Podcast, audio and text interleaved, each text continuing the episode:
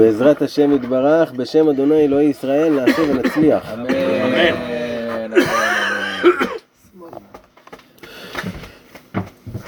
למה אומרים בשם אדוני אלוהי ישראל? בגלל שהגויים הם גם כן מנסים לגנוב את שם הוויה. אפילו יש לו שם באנגלית שלהם, הם אה, כותבים את זה וואי אה, זה זה. וגם בלעם, אני אראה מה השם יגיד לי. כל פעם באו אליו, צדיק, צדיק הדור הוא נהיה, בלעם. נראה מה השם יגיד, אם השם יסכים אני אבוא איתכם. אז הם לוקחים גם אותו. בגלל זה מצרפים לשם השם את אלוהי ישראל. זאת אומרת זה שאברהם, יצחק ויעקב, אבותינו הקדושים, אותו אל שהם מאמינים, אליו אני מתכוון. לא לדמיונות של ה...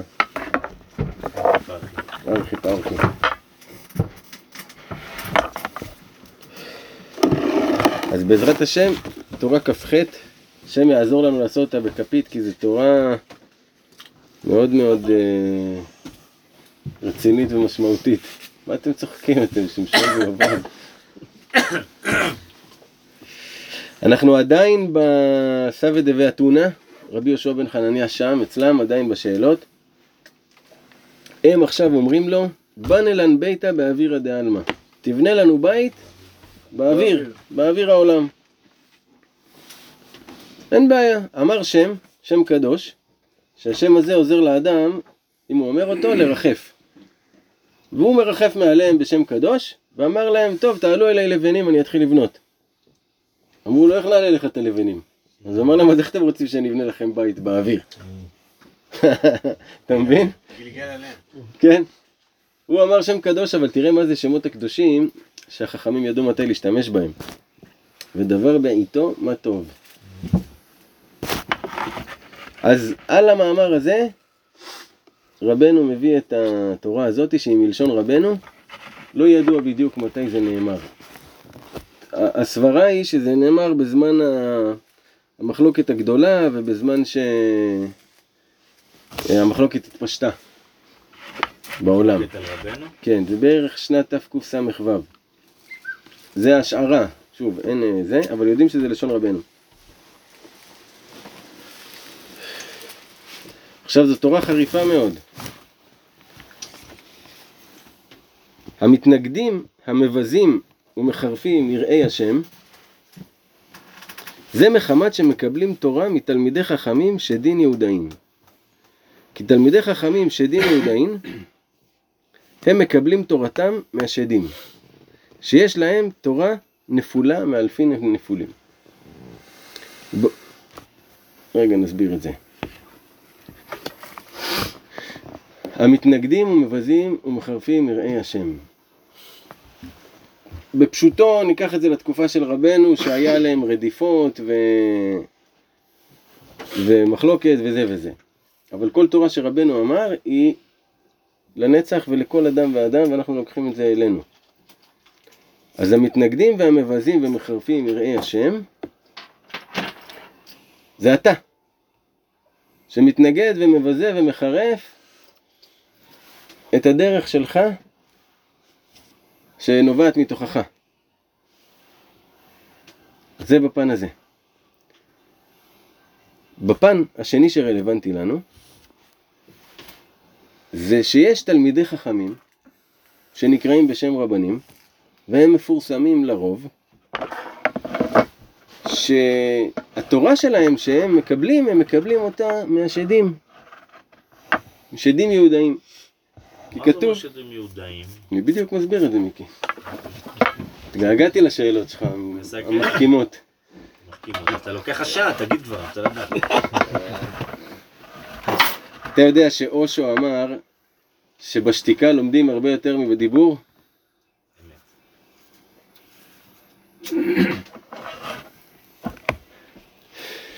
אתה יודע כמה לומדים רק מהדלקת מצית בשיעורים? כולם מדברים איתי על ההדלקת מצית הזאתי? אמ, יש שדים שהם לגמרי חיצוניים. ויש שדים יהודאים כי ידוע שגם השדים הם יכולים להזדווג עם בני אדם ולהפרות שדים. עכשיו, שדים יהודאים, יש כל מיני סיפורים בגמרא על כל מיני דרכים שהם באו, שלפעמים ראו אותם, כן, שלפעמים כזה, אבל יש גם שהם באים בצורה של שכליים, צורה של אה, שכל מסוים. האדם עכשיו לומד תורה, הוא מקבל את התורה דרך התורה של השדים היהודאים.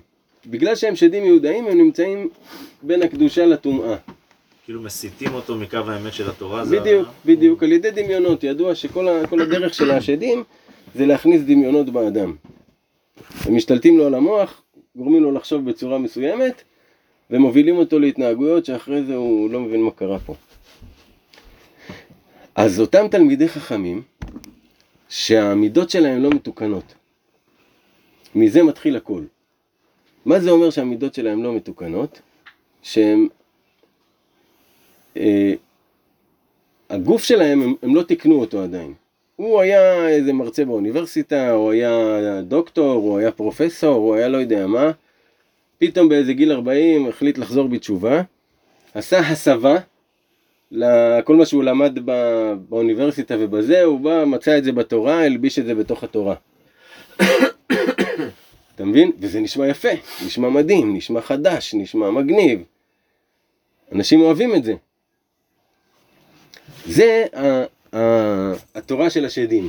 כי השדים עניינם הוא חיצוניות.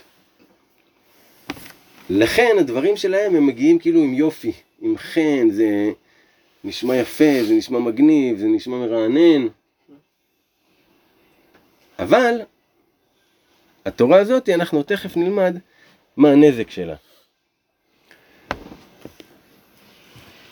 שהם מקבלים תורתם מהשדים שיש להם תורה נפולה מהאלפין הנפולים. מה זה אלפין? האות א', א', כן. כן, אלפים. אותיות א' נפולות, שנפלו. שימו לב שב...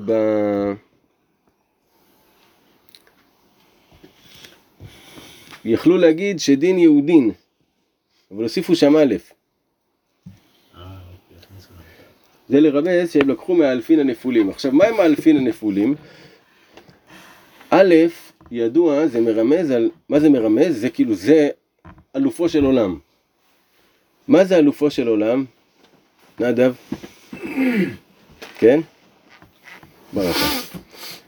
מה זה אלופו של עולם? אלוף זה על שם הלימוד, נכון? אולפן נקרא על שם לימוד. זה המקום שבו אתה נהיה מומחה. אלוף זאת אומרת יש רק אחד כמוך בתחום. מייקל ג'ורדן בכדורסל, נניח. הבנת? יש רק אחד כזה, הוא א', הוא אלוף, זה נקרא אלוף. עכשיו, אלופו של עולם, האלוף של כל העולם, זה הקדוש ברוך הוא. אוקיי? וזה על שם האות א'. עכשיו, אדם הראשון, כשהוא פגם, איפה היה הפגם שלו? שהוא רצה לקחת את המלכות לעצמו. נכון, הנחש אמר ל- לחווה, והייתם כאלוהים יודעי טוב ורע. אתם גם תהיו כמו אלוהים. ובזה הוא פגם במלכות. עכשיו המלכות היא מרומזת גם באות למד. נכון? במילה, בשורש של מלכות, במלך, יש למד. שהלמד היא מרמזת על האצילות, על הגבוהה, על, ה, על ההסתכלות קדימה, על האצילות. ומא' נעשה אף. ויש ארבע מקומות שזה מופיע אף. בנחש, בקורח, באמן וב... לא זוכר במי עוד. שהם אמרו אף. ששם הלמד נלקחה מהאלף. ואז נשאר אף. אף זה מלמד על, חרון. על חרון אף, על כעס. עכשיו, האלפין הנפולין, יש ארבע אלפים שנפלו. אני זוכר כרגע רק שלוש. אם אפשר להנמיך טלפונים, אה, האחים ביטון. לא, אני לא, של צחי הטלפון, תקסי.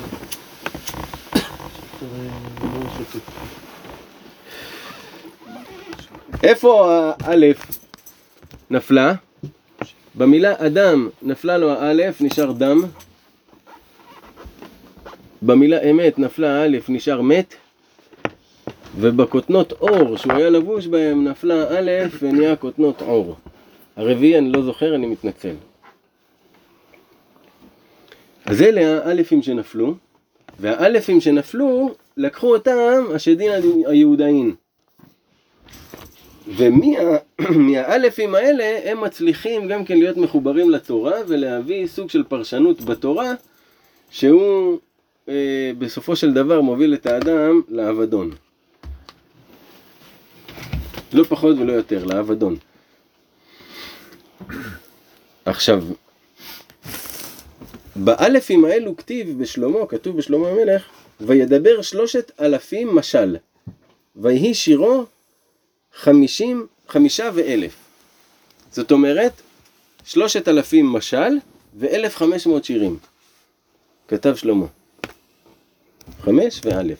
ביחד כמה יש לנו? ארבע אלפים. שלוש אלפים, זה שלוש אלפים, ואלף וחמש מאות, זה עוד אלף.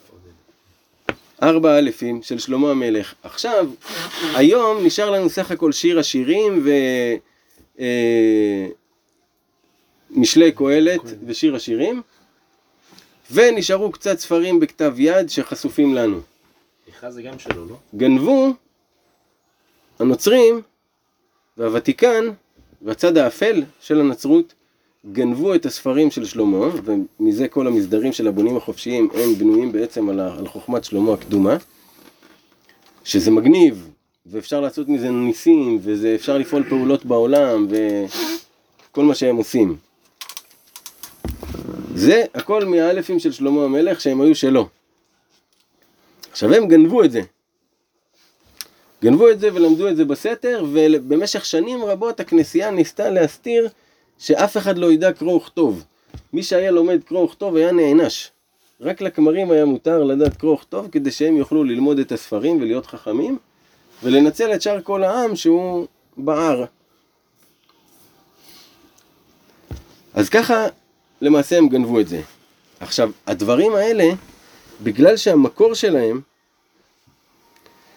הוא, הוא אצל שלמה המלך, אז כל הדברים באים במליצה ובלשון יפה ובדיבורים מגניבים ושאתה נמשך אחרי זה ונראה לך שיש פה איזה דרך ולפעמים טונים של דיבור, קצת עיקומים של האף, קצת לצחוק על מישהו אחר. אתה מבין? בדרשות שאתה מזהה את הדברים האלה. אז מה הסימנים? הדיבורים יפים, כתוב בגמרא, תלמיד חכם שהחברים שלו לא שונאים אותו, הוא לא באמת תלמיד חכם. למה? סימן שהוא לא מוכיח אותם. זאת אומרת, אם, ה... אם המנהיג הוא אהוב על כולם וכולם סבבה והוא מרצה את כולם וזה, זה אומר שהוא לא, לא באמת. כי האמת היא קו ישר, לפעמים נתקלים בקו הזה ומקבלים זץ. אבל אין מה לעשות, האמת זה קו ישר. אי אפשר שזה יתעקם בשביל האנשים. אז, אז הסימן הוא שהאדם הזה הוא אהוב כזה, והדיבורים שלו מגניבים, וזה נשמע, ויש לו מלא עוקבים, ויש לו שם מפורסם, והוא מלמד משהו גם שנקרא בשם קבלה, אתה מבין? והוא כביכול מביא איזה משהו, איזה זה, עם הרבה פרצופים רציניים ובגדים רציניים. לפני כמה שנים הוא היה באוניברסיטה בכלל. או כל מיני כאלה שהם היו אה, ניו אייג'רים, או כל מיני תיאוריות ותורות למיניהם וזה וזה, שהכל מבורך, הכל טוב, הכל יפה, כן? אבל הם פתאום חוזרים בתשובה לפני שנתיים, התחילו כזה קצת להתקרב, אפילו עוד לא שומרים שבת, עוד לא כלום, והם נהיים כבר מדברים בשם התורה ובשם ה... בשם השם. זה נקרא בית באוויר העולם. אין דבר כזה בית באוויר העולם, נכון? אבל הדיבורים שלהם כל כך יפים, נראה לך שיש בית באוויר העולם, וואי וואי וואי. אבל אין לזה יסודות וזה מתמוטט בסוף, ואתה יודע, זה נופל לך על הראש גם. כן, אבל מה זה משנה, סליחה, אם, אם, אה, אם זה באמת, המטרה היא מטרה טובה, וזה באמת מחזק אנשים, ובאמת... אה, זה מה שאנחנו תכף נלמד, למה זה כל כך מזיק. למה זה כל כך מזיק? קודם כל יש לנו כלל, מבישה לא הווה תווה. ממשהו לא טוב, לא יצא משהו טוב. זה כלל. לפעמים המוח שלך אומר, רגע, אני אעשה את הדבר הלא טוב הזה כדי שאני אעשה טוב הרבה לאחרים. לא, לא, לא, זה לא יעבוד. לא יעבוד. ביש, לא יוצא טוב.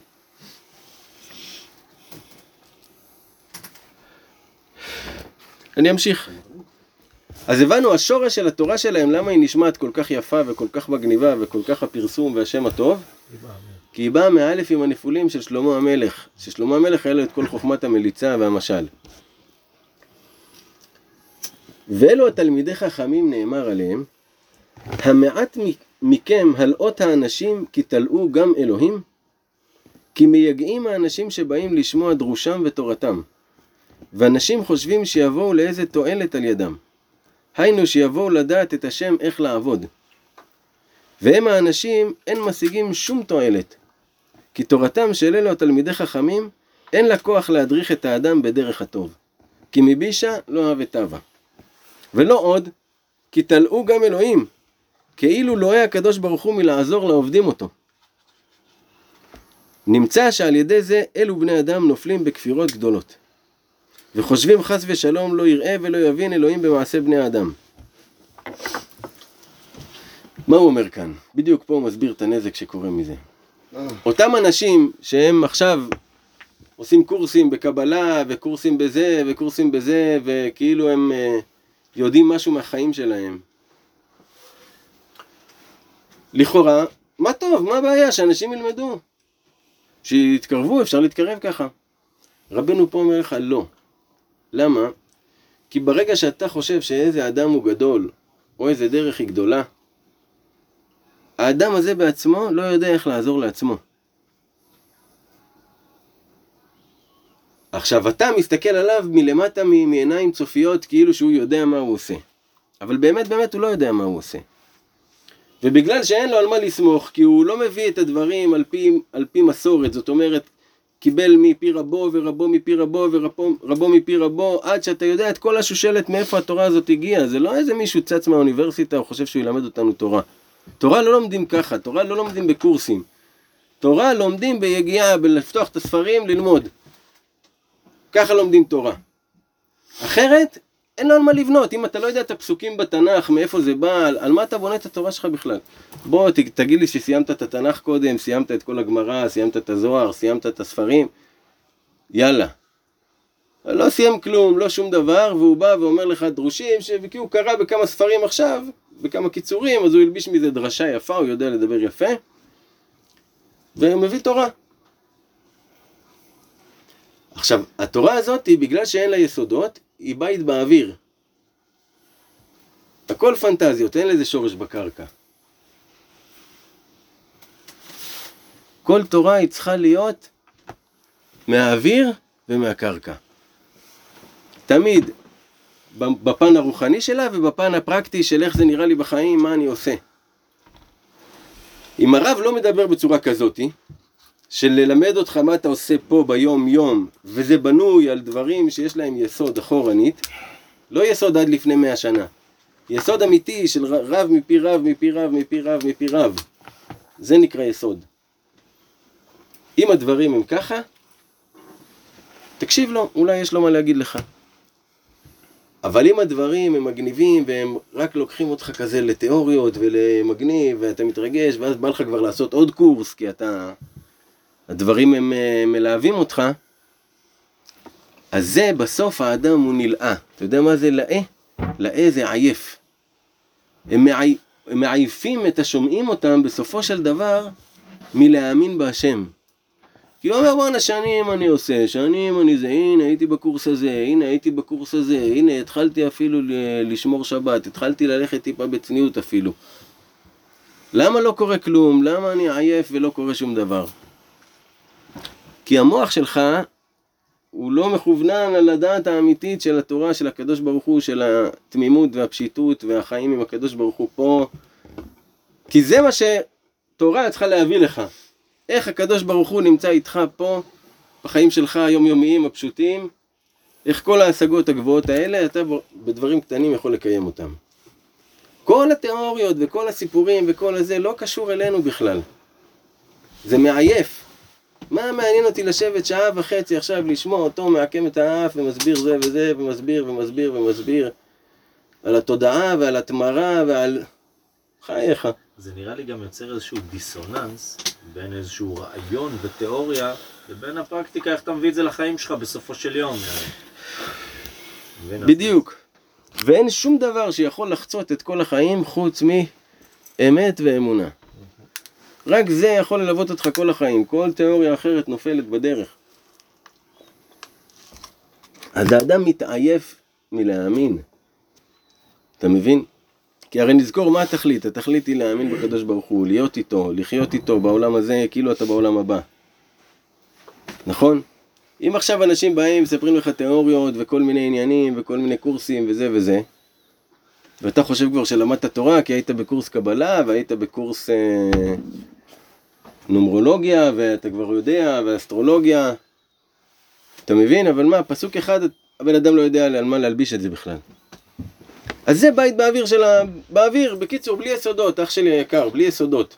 תורה בלי יסודות, תורה לא לומדים ככה, אתה יכול לקרוא לזה איזה שם שאתה רוצה, זה לא תורה. תורה זה עם יסודות. מי הרב ששמעת ממנו? אוקיי, הרב הזה, ממה הוא למד? מה הזין אותו? פתאום אתה מגלה איזה שורש שבתאי שהיה לו מלמד שהוא היה קטן. אתה מבין? הופ, אתה מבין שיש פה איזה זרע. או אתה חוקר, או זה בא משורש קדוש, למד אצל הרב ההוא, היה בישיבה ההיא, קיבל מרבו, שהיה תלמיד של הרב הזה, ואז אתה מבין את כל השושלת, יש פה משהו טהור שעובר. דבר כזה, אתה יכול לבנות עליו. למה? יש לך יסוד. אתה יכול לבנות על תורה כזאתי. אתה מבין? זה מאוד מאוד חריף. רואים את זה חזק מאוד גם אצל רבנו. הוא לא אומר משפט בלי שהוא מצמיד אותו לאיזשהו פסוק, כן. לאיזשהו משהו, לאיזשהו בסיס. כן. היום אתה רואה ספרים, אנשים כותבים, כותבים לך רעיון, זה, זה, כתוב בתורה ככה וככה, בתורה, אתה מבין? כתוב בתנ"ך. אז... אה, אני מים ברשותך. ואז האנשים ששומעים את התורה שלהם חושבים שכבר הקדוש ברוך הוא לא יעזור. ואז הם מתייאשים מהאמונה. ומחפשים דרך אחרת, יותר מגניבה. ואז על ידי זה תראה השם לא יכבדו. ואז כשהם רואים כבר מישהו שהוא הולך בדרך הזאת התמימה, אומרים לו, אה, אתה, עזוב, אתה לא דתי אתה, מה אתה? מה, למה אין לך כיפה? אתה לא דתי. אתה מבין? זה, עזוב, זה ילד, זה סתם, זה שטויות. אז בגלל שהם כבר חושבים שכאילו הם מיואשים, הם ממורמרים כזה על החיים, אז כשהם רואים איזה יהודי פשוט, שמח, אפילו שאין לו כלום, קוראים לו משוגע. אתה מבין? מה אתם רוצים, שאני אהיה נורמלי כמוכם? מה, אני לא נורמלי להיות נורמלי? אתה מבין? הם הממורמרים, והם אומרים שהשמח הוא משוגע. מה אתה כזה שמח?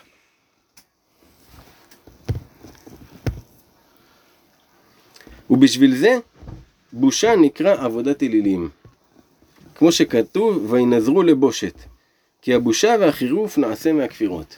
זאת אומרת שאם האדם הוא מבזה ומחרף ירא השם, את האנשים הפשוטים האלה, זה בא לו מכפירות ש... שהוא לא מאמין בקדוש ברוך הוא. אחרת הוא לא יבזה. אותו דבר גם על עצמך. אם אתה אה, מקטין את הדברים הפשוטים שאתה עושה, כמו ליטול ידיים בבוקר, להגיד מודה אני, אתה מקטין את זה, אתה אומר, אה, זה שטויות. לא.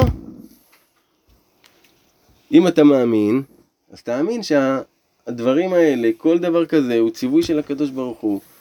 הוא הוכחה ניצחת על האמונה שלך בו. זה שאתה קם בבוקר, אומר מודה אני. כל כך פשוט. וזה מיד אתה, סליחה, מיד אתה מכריז אמונה. איך שאתה מתעורר בבוקר, נוטל ידיים. כל דבר קטן כזה, זה יקר, זה חשוב. אפילו שזה קל, אסור לך להקטין את זה. פסקה ב' זה היה מובן עד עכשיו דרך אגב? כן. יופי, תודה. אגב, באחד המכתבים באשר בנחל, אני מצאתי אה, על מי רבנו דיבר כאן. וזו דמות מאוד מאוד מפורסמת ב... בעולם התורני. זה בהשמטות מופיע בכלל. בהשמטות. שלכם רוב. המגיד. וכשיש ליראי השם חרפות ובוש, ובושות מהכופרים האלו, העצה על זה, אנוכי תולעת ולא איש, חרפת אדם ובזוי עם. נכון? מי אמר את זה? דוד, דוד המלך. אנוכי תולעת ולא איש, חרפת אדם ובזוי עם. אז כשמבזים את האדם, רבנו כאן אומר, מה עליו לעשות? אנוכי תולעת ולא איש. מה ההבדל בין תולעת לאיש? איש רוצה כבוד, תולעת... אה, נכון. לאיש יש רגליים וידיים ולתולעת אין. איש יודע לדבר ותולעת לא. ועוד ועוד הבדלים, תולעת זה דבר מאוד קטן, אתה דורך עליו. שברירי. אנוכי תולעת ולא איש, הוא שם את עצמו כתולעת. אבל כתוב, מה תולעת אין כוחה אלא בפיה, אף ישראל אין כוחם אלא בפיהם. הכוח של תולעת תולעת שמיר. זה לכרסם בית שלם. יש תולעת מיוחדת שהיא יכולה להפיל בית, אם היא נכנסה לבית, אוכלת את כל העץ. פעם הבתים היו מעץ. תחשוב איזה אימה זה שהתולעת הזאת נכנסת לעץ. גם תולעת השמיר, לא? שהייתה... כן. אז יש... אז כשמבזים את האדם, אנוכי תולעת ולא איש, שהוא אומר, הסגולה לזה בחינת תולה. שעל ידי הבחינה הזאת מנצח אויביו. על ידי בחינת תולה, שמעתם זה כאילו השורש של אה, תולעת? על ידי בחינת תולה מנצח אויביו. ומי הם האויבים שלך? מי האויבים שלך, שי? כן, או, תודה רבה. המחשבות והדמיונות, מה למדנו ב- בכ"ה? שישה שבועות. מי האויב שלך? הדמיון שלך. זה האויב. איך אתה מנצח אותו? על ידי בחינת תולה. מה זה תולה? כי תולה הוא בחינת אמונה, כמו שכתוב, האמונים עלי תולה. והוא בחינת אברהם שהוא ראש למאמינים, כמו שכתוב, והאמין בהשם. ובבחינת אברהם, שהוא בחינת אמונה, משבר ומבטל עבודת אלילים והכפירות והביזיונות ומתגבר על הכופרים. בבחינת בגבורות ישע ימינו. כי אברהם שהוא בחינת חסד, בחינת אמונה, בחינת וחסדי לא אפיר ולא אשקר באמונתי, בימין הזאת מתגבר על אויביו. כי נעשה בבחינת אנשי חיל מתולעים. ובזה החסד הוא מתקן אלו האלפין הנפולים הנ"ל בבחינת ועושה חסד לאלפים. איזה יופי. רגע, שייקה, כן, אל תתעייף. למה אמרת? תאמר אלפים, תאמר אלפים. אז זה אומר לך, תולה זה בחינת אמונה. מביא לך פסוק כדי להוכיח את זה. האמונים עלי תולה. רואים שאמונה ותולה באים יחד, נכון? יפה. וזה בחינת אברהם. למה בחינת אברהם? כי אברהם הוא ראש למאמינים, כמו שכתוב עליו, והאמין בהשם. נכון? ובבחינה הזאת שהוא אברהם, של האמונה, הוא משבר ומבטל את העבודת אלילים והכפירות והביזיונות.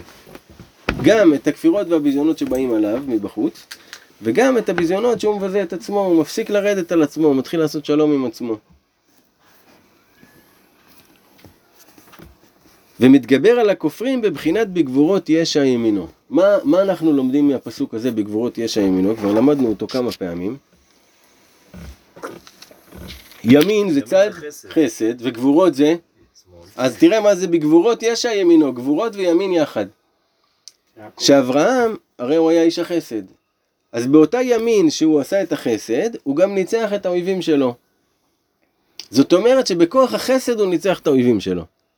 והוא השתמש בגבורות של החסדים כדי לנצח את האויבים שלו.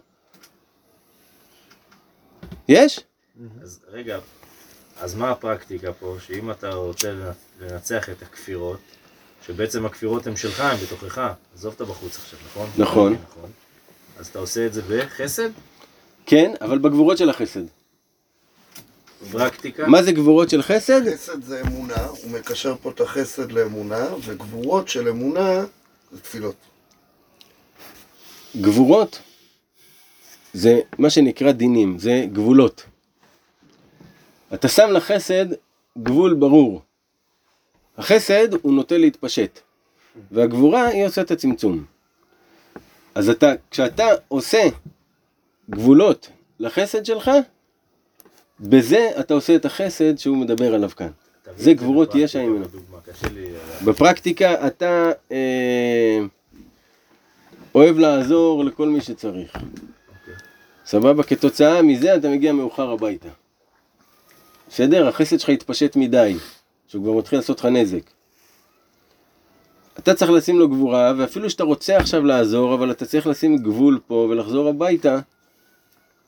הבנת? אתה שמת גבול לחסד שלך. זה צורה אחת. צורה שנייה של גבורות שבחסדים, זה שאתה כאילו שוטף את האדם בחסד. מה זאת אומרת?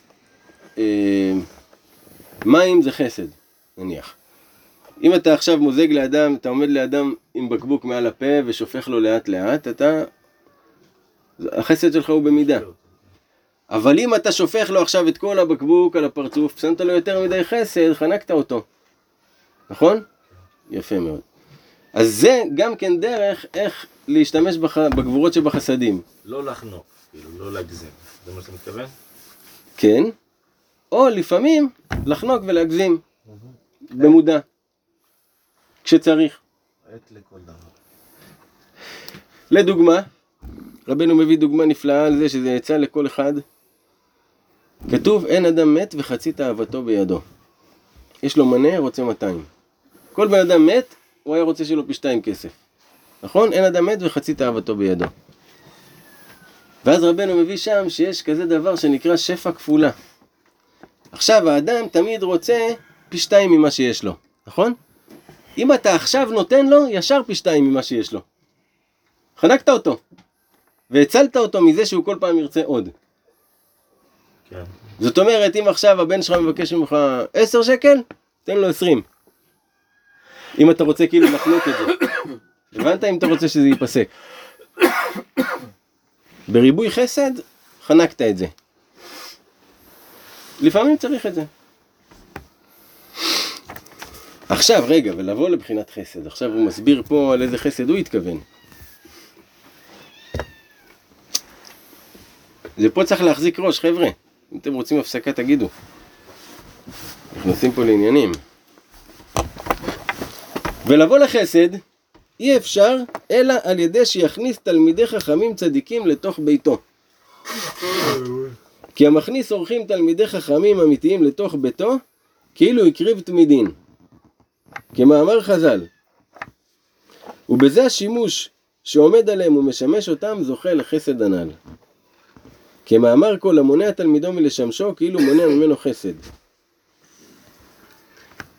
כש, כשהחכמים מדברים על שימוש, שימוש חכמים, כתוב, גדול שימושה יותר מלימודה. מה זה שימושה? מה זה שימוש של התורה? שהוא משמש תלמידי חכמים. הוא עוזר לתלמידי חכמים בדברים שלהם של היום יום. הוא נמצא איתו ביום יום. מקל מעליו. בזה שהוא מקל מעל החכם, החכם יותר פנוי להתעסק בדברים שהוא בלהביא אור. תוך כדי זה יוצא שהוא נמצא הרבה זמן עם החכם, והוא לומד מההנהגות הפשוטות שלו. שכל הסוד של החכם הוא בהנהגות הפשוטות, הוא לא בתורה שהוא אומר. הוא באיך הוא קם בבוקר, הוא בימה, הוא בצהריים, איך הוא מדבר עם האיש הזה, זה הלימוד האמיתי של החכם. כשהוא אומר תורה זה בסדר, אז אתה מקבל תורה, אבל באמת באמת לומדים רק על ידי שימוש תלמידי חכמים. אז, אז החסד הזה שהוא מדבר עליו זה שימוש תלמידי חכמים. שאתה עוזר לחכם בדברים מסוימים ונמצא לידו, וככה אתה לומד ממנו את דברים שאף אחד אחר לא יכול ללמוד. כי רק מי שקרוב אליו יכול ללמוד. כשאתה עוזר לו מרחוק לא בזה שום דבר. אתה כן עושה, אבל מה שהוא מדבר פה זה על ה... להיות איתו. על להיות איתו. על להיות איתו. מעבר לתורה, שאתה נמצא ליד בן אדם ואתה, הוא הדוגמה שלך.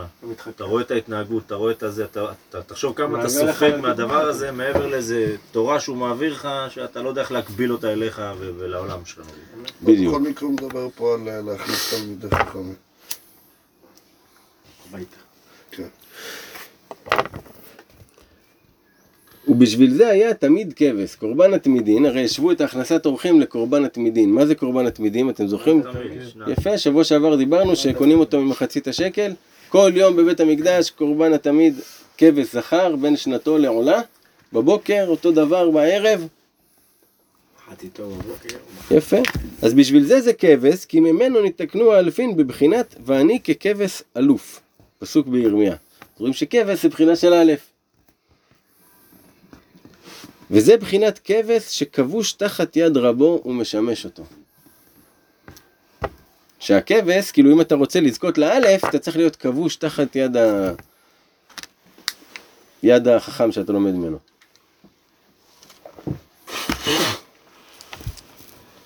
וזה תמיד, נכון? קורבן התמיד, עכשיו אם ניקח את השורש של תמיד זה תמ"ד. זה בגימטריה ד' אלפין, אם אתה לוקח את המילה א', יש לך 111. 111 כפול 4 מיקי, 444. יפה מאוד. וכמה זה תמיד?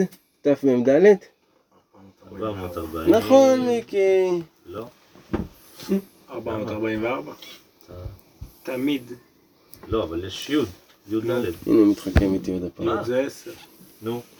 לא אמרנו לפני רגע שלוקחים את השורש תמ"ד? לא, לא אמר תמ"ד. סליחה. פספסתי. אז כמה זה עכשיו? 444. תודה רבה. שהוא תיקון האלפין כנ"ל. והתמיד, קורבן התמיד הוא התיקון של האלפים הנפולים שנפלו באדם הראשון. ארבע אלפים שנפלו, שאנחנו זוכרים רק שלוש מהם. וזהו, למי מדנים למי שיח. מדנים, מה זה? זה ויכוחים. מה, איך כותב, איך זה רשום? מדמה? מדנים. מדנים? ממדון. איש מדנים, זה אדם כזה שרב עם כולם, שהוא כל הזמן בדין על כולם. לא, אז למי מדנים? למי שיח. היינו, על ידי שיח, שזה ראשי תיבות חכם שד יהודי, על ידו מדנים, על ידו באה התנגדות. זאת אומרת, תלמיד חכם שד יהודי, הוא זה שבעצם כש- כשלומדים אצלו, באה התנגדות, למה הדברים לא מסתדרים עם מה שלמדת אצלו. עכשיו, ראיתי שהחברים כותבים שלמי מדנים למי שיח, מי יבוא להיות כזה שרב עם כולם? אדם שהוא מרבה בשיח, מרבה בשיחה. זאת אומרת, למי ששיח, למי שמדבר, בסופו של דבר יבוא למדנים, יבוא למריבות. כמו שכתוב, וברוב דברים לא יחדל פשע. אם אדם מדבר הרבה, יבואו לו דברים קשים אה, שיפגעו בו, בגלל הדיבורים שלו. פשוט אל תדבר הרבה, שמעת דורון? להימנע, להימנע, פשוט להימנע. כמה שפחות לדבר, יותר בריא. באמת, אתה חוסך מעצמך, אתה לא מבין כמה דברים אתה חוסך מעצמך שאתה לא מדבר. בין אם זה שתקת, לא, לא אמרת את הדבר, לא קרה כלום, עכשיו פתאום מישהו אחר אמר את זה. איזה יופי. לא אמרת את הדבר, ואתה פתאום אחרי שתי שניות אתה אומר בואנה איזה מזל שלא אמרתי את זה. אתה לא תפסיד אם לא תגיד. אבל אם אתה כן תגיד, יש סיכוי מאוד טוב שאתה תפסיד.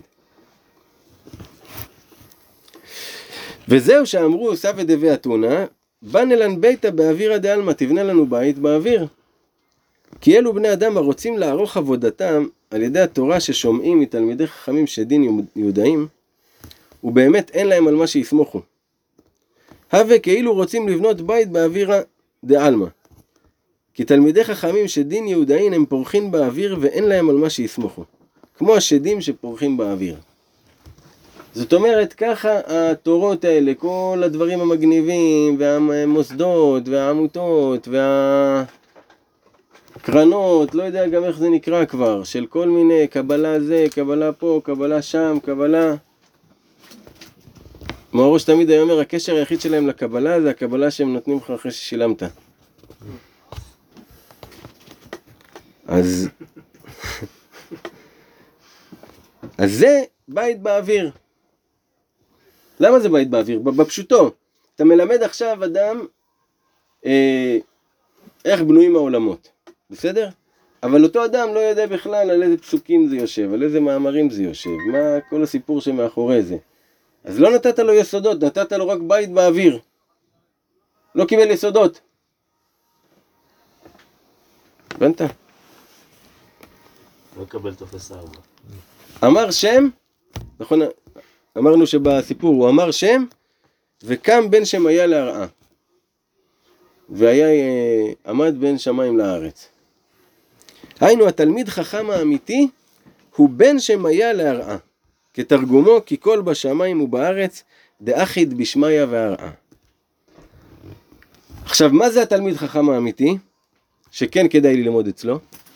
הוא נמצא בין השמיים לארץ. כמו שכתוב, אחיד בעלמ, ב, בשמיה והרעה. מה זה אחיד? יש לזה שני פירושים. אחיד בארמית זה אוחז. אוחז. אבל זה מלשון אחד, גם אחיד מלשון אחד, כי ברגע שאדם אוחז במשהו, הוא אחד איתו. אז הוא אוחז בשמיים ובארץ, ביד הזאת הוא אוחז שמיים, ביד הזאת הוא אוחז ארץ. אתם זוכרים פעם למדנו את זה שהמלאכים מעבירים אליו מכאן, והוא מתרגם ומעביר אלינו. אז הוא אוחז בשמיים ובארץ. התורה שלו היא מציאותית. היא לא רק תיאוריות, היא מציאותית לחיים, להיום, לעכשיו, אתה יוצא משם עם רוח מרוממת. הוא אוחז בשניהם, ואם אתה רוצה דרך טובה זה תמיד לאחוז בשניהם, לא רק להיות בשמיים. עם תיאוריות, לשמוע את הדברים וזה וזה, תמיד להוריד את זה לארץ גם כן. זה אחיד בשמיא והרעה. אחד בשמיים ובארץ. גם אתה צריך להיות כזה, שי.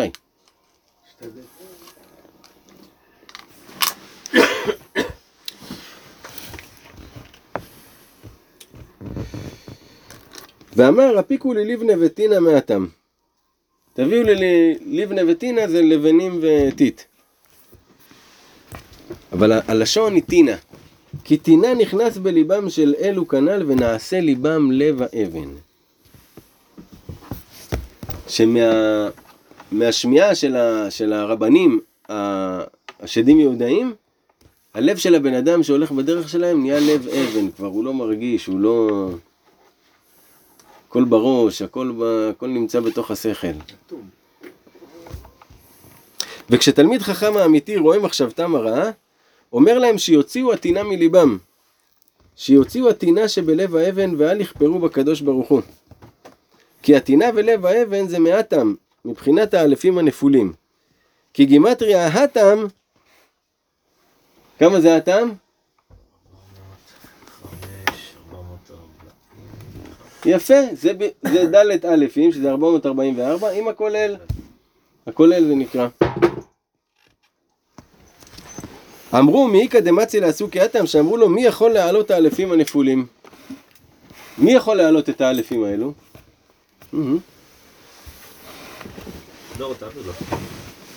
והשיב להם מי איכא דמצי למבנה ביתא בן שמעיה להרעה. אמר להם מי יכול להעלות את האלפים הנפולים? שמדם להפוך לאדם, ממת להפוך לאמת, מאור להפוך לאור. עוד משהו שאנחנו לא זוכרים? אז זה מי שבונה את ביתו על ידי התלמידי חכמים האמיתיים, כי יש להם על מה שיסמוכו. כי תלמידי חכמים אמיתיים הם יסוד כל דבר.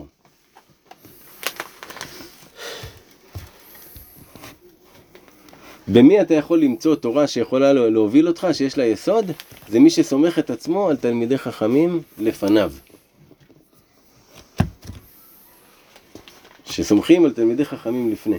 אז יש יסוד, ואפשר לבנות את הבית.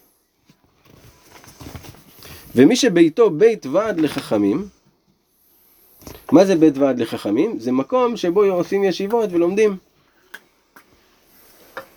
אז אומרים שהאדם צריך שביתו יהיה בית ועד לחכמים, כמו שלירון עושה, שמארח אותנו, זה נקרא בית ועד לחכמים. לירון עושה את זה, ביתו בית ועד לחכמים, איפה הוא? שייך לירון. שבונה ביתו בבחינת איש קדוש עובר עלינו תמיד. נעשה עליית קיר. ו- ואלו האנשים מעלין האלפין כנ"ל. אנשים כמו לירון מעלים את האלפים. השם ישמור אותו. השם ישמור אותו ויברך אותו. אמן. לעילוי נשמתו. לעילוי נשמתו. מה זה? הוא מצא כבר שתיים.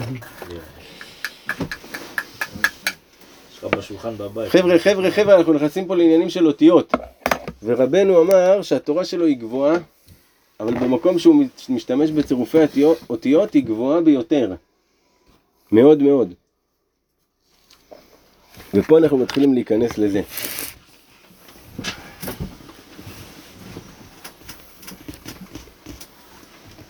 וזה, יש לנו א', ב', ג', ד', ה', ו', ז', ח', ט', י', נכון? אז רבנו רץ איתנו ככה, א', ב', ג', ד'.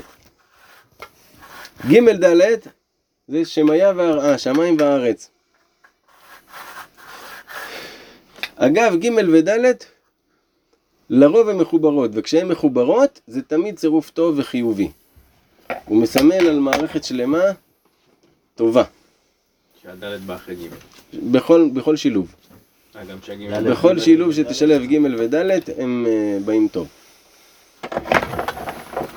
רגע, למה הוא- למה הוא אמר שג' וד' זה שמיים וארץ? כי ג' היא גומלת את הד'. נכון.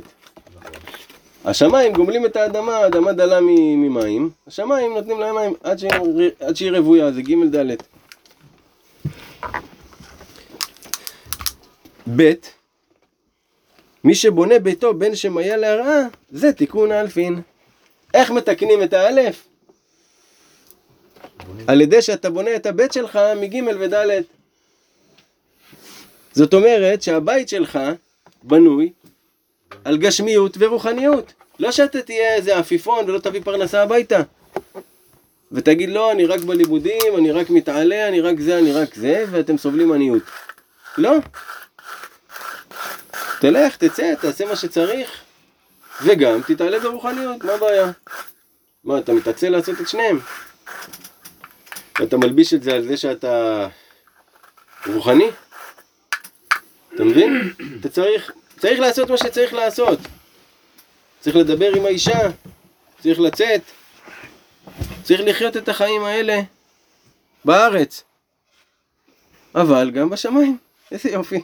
בוז, שמיים וארץ. על ידי זה, אם אתה בונה את הבית שלך בצורה כזאתי, אתה זוכה להעלות את האלפין הנפולים, ומדם אתה נהיה אדם, וממת אתה נהיה אמת, ומעור אתה נהיה אור, ורביעי שאנחנו לא זוכרים. עזאזל עכשיו.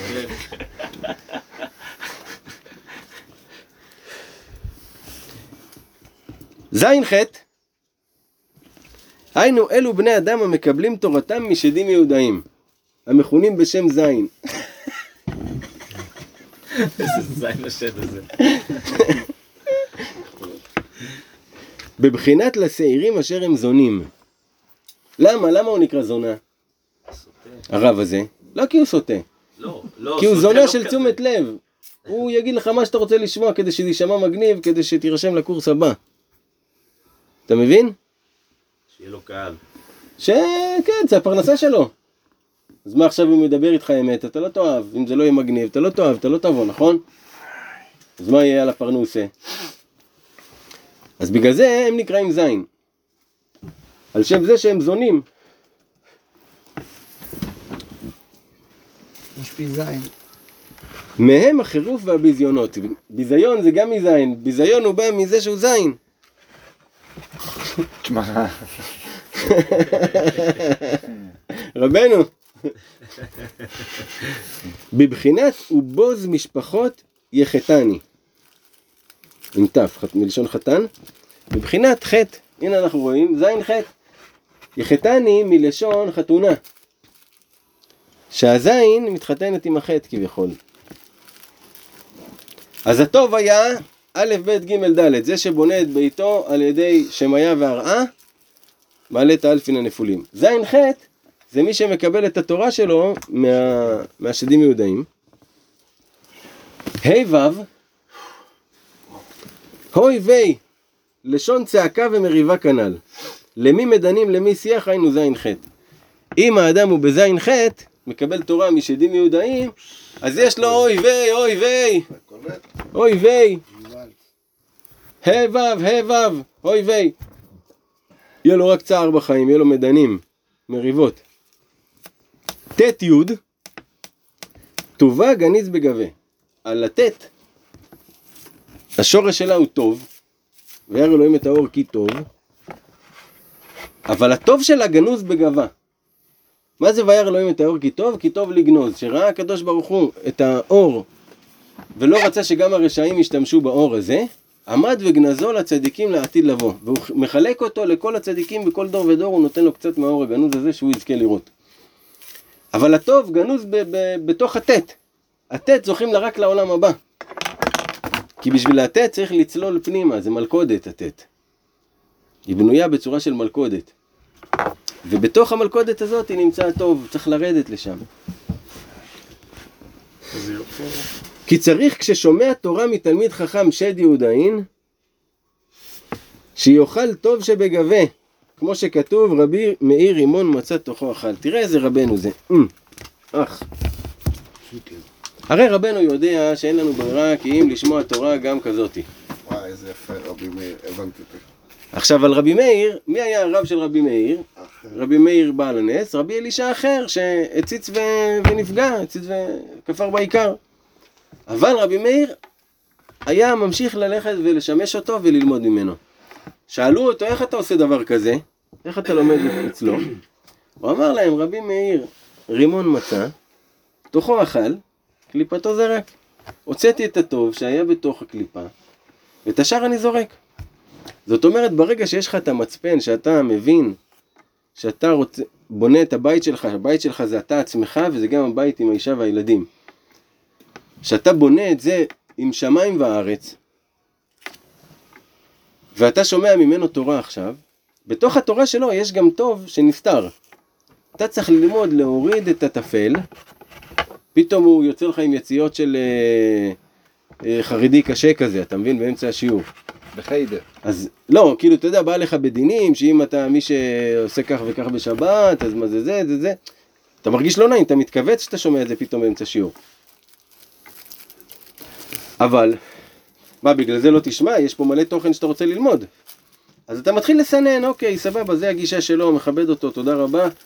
אני לא באתי בשביל זה, אני רוצה לשמוע את הדברים האחרים, אתה מוציא את הטוב משם. אתה מבין? זה ט' י'. שאתה מוציא את הטוב מתוך אפילו התורות שאתה שומע ומתוך כל דבר שאתה שומע, אתה מוציא את זה לאן? לג' ד', לשמיים והארץ. איך אני משלב את זה שמיים וארץ? אם זה לא משתלב ולא זה, סבבה, אתה יכול לזרוק. אבל אתה מוציא מכל דבר את הטוב. י' אה, סליחה. ועל ידי זה י' היינו תתקן על ידי זה האלפין בבחינת תודה שמך כי עשית פלא. דא א'. וזה י' צורת א'. למה י' צורת א'? מישהו יכול להגיד לי? זה הסוף של האלף. אוקיי, מה, באלף יש שני יהודים. אוקיי. עוד, תחפור עוד קצת, מיקי.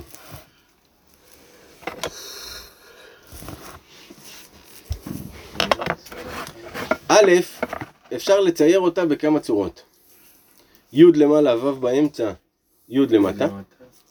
אופציה שנייה, י' למעלה, ו' באמצע, ר' למטה. אופציה שלישית, י' למטה, ו' באמצע, ד' למטה. ואם אתה מצייר אותה בצורה כזו, הד' של הכתב, כתב אריזל זה ככה. י' ו' ד', ואז י' ו' ד' מרכיב לך איזה מילה, מיקי? י' ו' ד'. כן. יוד. י', את האות י'. אז למה י' היא א'? כי יש י'.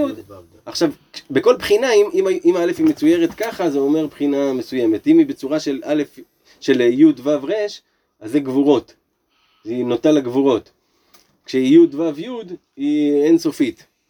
ושהיא י' ו' ד' היא עם צמצום. וזה ד- זה יכול להפך לדין, כי זה יכול י' יכול להפך לדווי. על ערש דווי. דווי דווי. דווי דווי. ברור. אתה קולט מה קורה פה, מיקי? עם האותיות? רגע, איך הוא קישר, את- איך הוא עבר מהט' לי' רגע עוד פעם? היה לנו א', ב', ג', ד', ה', ו', ז', ח', ט', י', לא מפתיע. דייגו. אז הוא אמר לנו, ג', ד', הצירוף הטוב, השתבח שמו לעד, ג', ד', שמיים וארץ. אם אתה בונה את הבית שלך ככה, על- את הבית שלך אתה בונה על ג', ד', אתה זוכה להעלות את האלף. אבל אם אתה הולך בז'-ח', יהיה לך אוי ויי, הרבה עניינים, אוי ויי. אבל אם תלך בט' י', תוכל אפילו לשמוע את התורות של התלמידי חכמים הפגומים, ולהוציא מהם את הטוב, ולהעלות על ידי זה את היוד, שהיוד היא גם כן א', שוב חזרנו לאלף. אה, בשתי הקצוות. בשתי. הקצוות, אפשר לעלות. היי וואליק. רבנו יש לו שיחה בשיחות הר"ן שהוא אומר שם שמי שיודע להפוך אלפים ל... לאלפים, יודע- את הסוד של אה, מה זה מת, ויודע להחיות מתים. השם יזכנו. כי אתה מעלה את האלף, אז אתה מת הופך לאמת. אז- כן?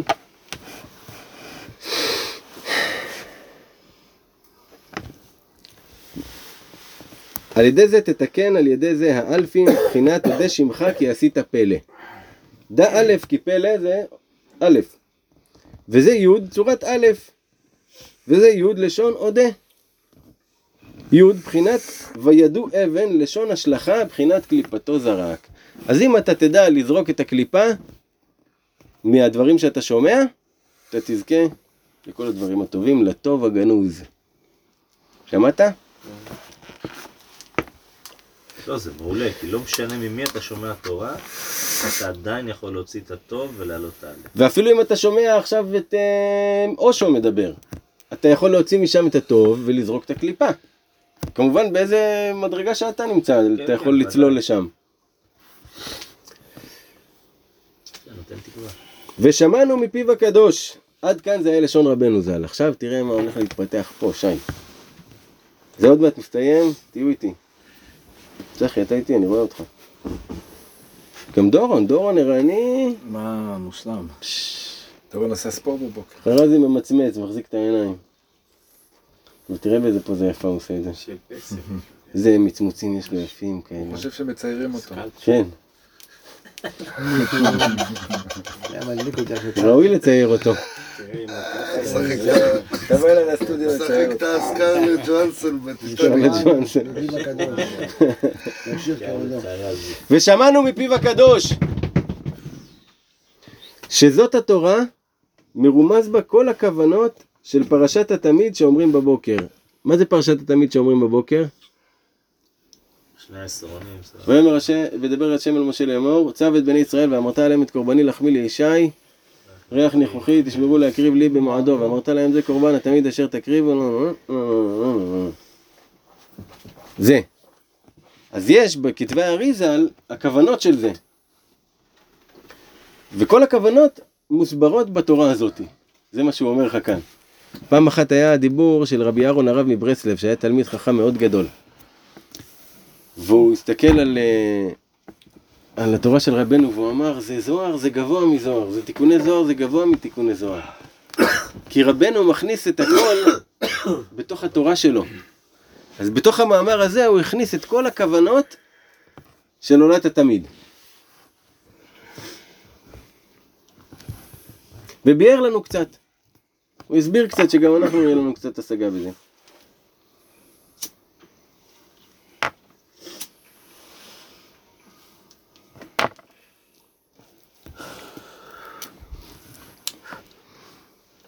ועיין בכוונות ותראה ותבין שכל הכוונות של פרשת התמיד מבוארים בתורה הזאת. כי מבואר שם בכוונות שתמיד מכניע קליפות דעשייה וכולי שהם בחינת עבודה זרה וכולי. מה זה קליפות של עשייה? הם בחינת עבודה זרה. קליפות של עשייה זה כל דבר שאתה אה, נותן לו כוח, שאתה חושב שהוא יכול לעזור לך. כל דבר שאתה מכור אליו. במילים אחרות. זה הקליפות של העשייה. והקורבן התמיד, הוא מתקן את זה. את הקליפות של העשייה. עשייה זה העולם שנגלה לפני עינינו, כן? העולם הפשוט. הוא מדבר בעצם על כל מה שאנחנו עושים שהוא לא כן. רוחני. על, על החיים, גם אם אתה מוכר לו תורה זה יותר. לא? כן? כל דבר שאתה מכור, והוא האור שלך כביכול, שאתה אוחז בו, רק הקדוש ברוך הוא זה האור היחיד שאתה יכול להיות מכור אליו, זהו.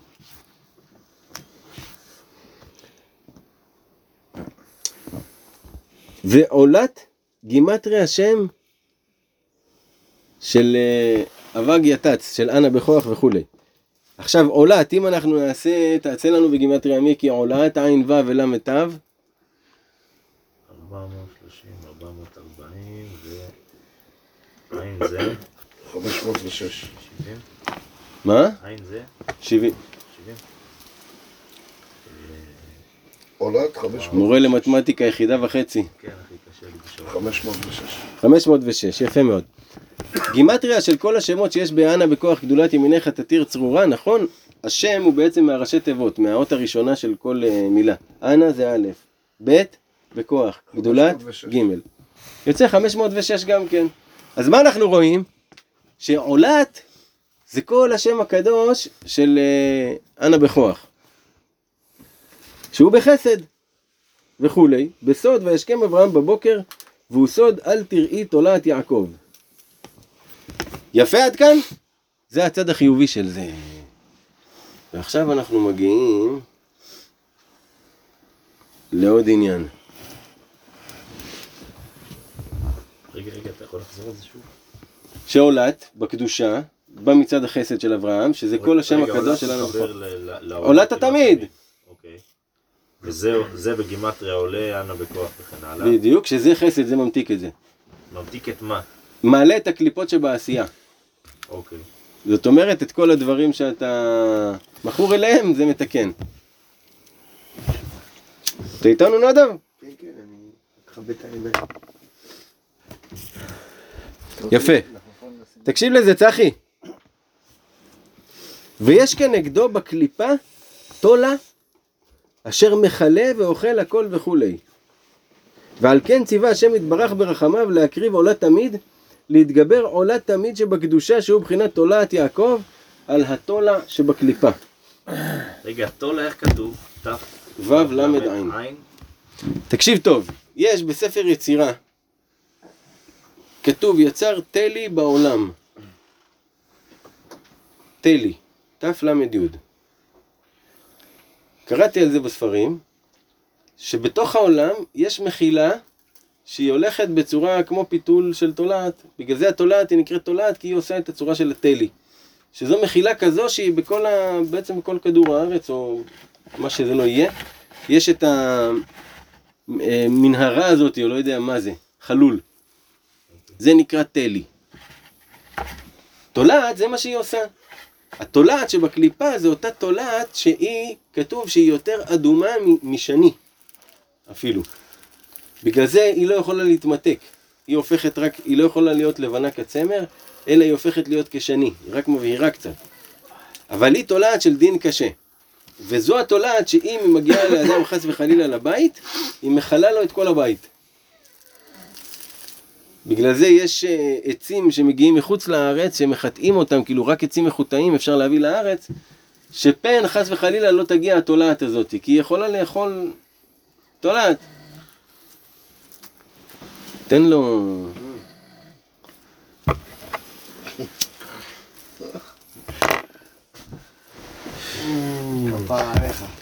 עכשיו, מה זה התולעת הזאתי? מה זה? זה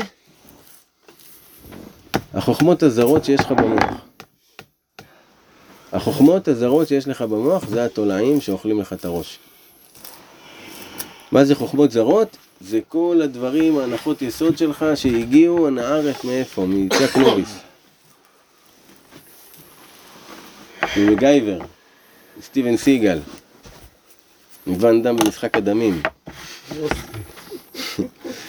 משם הגיעו הנחות יסוד שלך. וזה תולעים שמחזרים לך במוח. תקוע במשמר המפרץ. אה, אתה מבין? כל אחד, כל אחד תקוע איפשהו באיזה שטות בחיים שלו, שהוא עיצב את האישיות שלו על פי השטויות האלה. צבע של השיער של השחקן שם. איך קוראים לו השחקן הזה? המכונית, זוכרים את המכונית השחורה? זה. לא, המכונית השחורה. דאם. לא, הוא מדבר על משמר המפרץ. אתה, אתה, אתה מכיר את בי.איי? מייקל, מייקל. אתה מכיר את בי.איי מצוות מייקל, לעניין? הוא היה משחק. החום גם. כן, טלטל תקשיב, אתה יודע שאני שנים, אה, אתם מכירים את הסדרת צוות לעניין? אז היה לו שם רכב כזה שחור כזה GMC, חלמתי כל החיים שלי על רכב כזה. כל החיים שלי, כמעט קניתי איזה שתי אה, GMC, איך הם נקראים? ספארי? ספארי. לא סוואנה.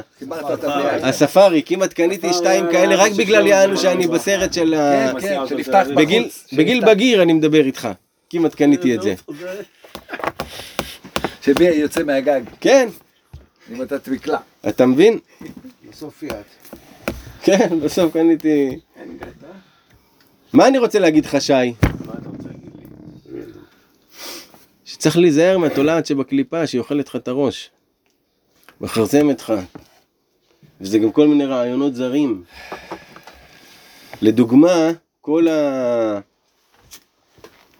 הרעיונות עכשיו החדשים, שהם כאילו הם נשמעים יפה כלפי חוץ, אבל באמת אין בהם תוכן. אתה מבין? בן זה בן, בת זה בת, כאילו, מה נעשה? מה נעשה? ככה, מה נעשה? זה העולם, מה אפשר לעשות?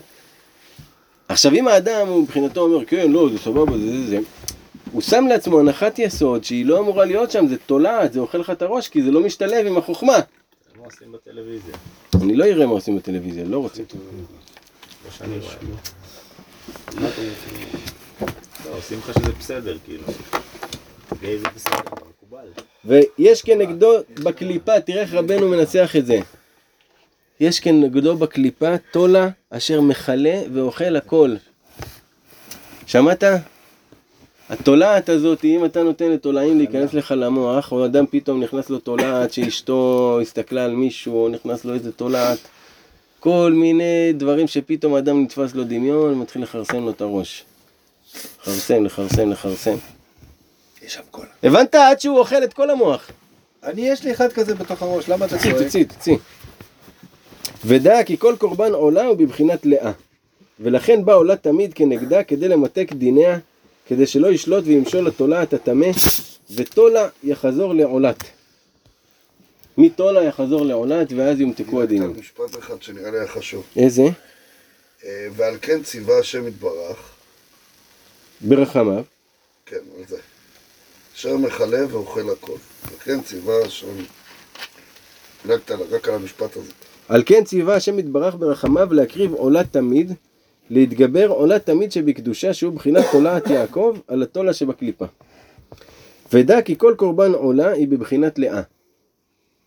ולכן בא עולה תמיד כנגדה כדי למתק דיניה כדי שלא ישלוט וימשול לתולעת הטמא, ותולה יחזור לעולת.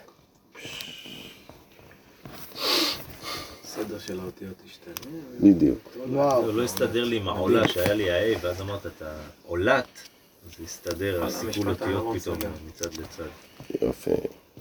וזה שכתוב עולת תמיד, תמיד זה תמ"ד. מה זה עולה תמיד? שזה הארבע אלפין. עולה תמיד, היא מעלה את התמיד, שזה הארבע אלפין הנפולים. עכשיו בפשוטו, בפשוטו הכי פשוט שיש, ונשלמה פרים שפתנו, זה לקרוא את הפרשה, פרשת התמיד, לקרוא אותה בבוקר, ולקרוא אותה בצהריים. זה קצר ממש, זה חמש או שש פסוקים. זה סגולה. זה נמצא בסידור. פרשת התמיד. כן, זה בהתחלה של פתאום הקטורת, הפסקה הראשונה של פתאום הקטורת. נכון. זה עולת התמיד. פעמיים ביום לקרוא את זה. כי תמיד בגימטריה ד' אלפין שלוקחת לאה וכולי. כל זה מבואר בפרי עץ חיים, שער הקורבנות, פרק ד', עיין, עיין שם היטב. אפשר שאלה. אה, כן, בוודאי. אמרת לקרוא את זה גם בבוקר וגם בצהריים, נכון? כן.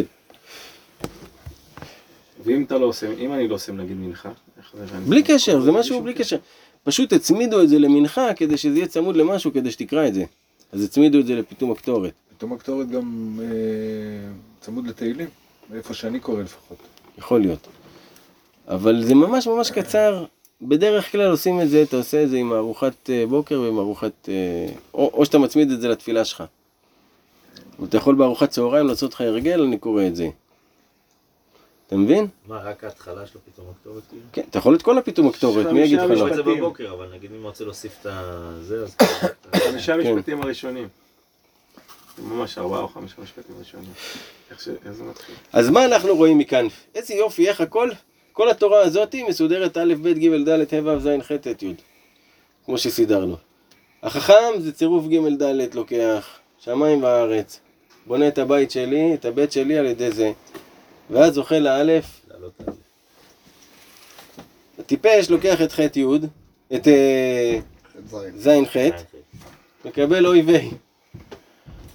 אבל, אבל אם הוא יזכה לעשות ט' י', להוציא את, ה, את הטוב ולזרוק את הקליפה, אז הוא זוכה לאלף שזה י', י' ו' ד'.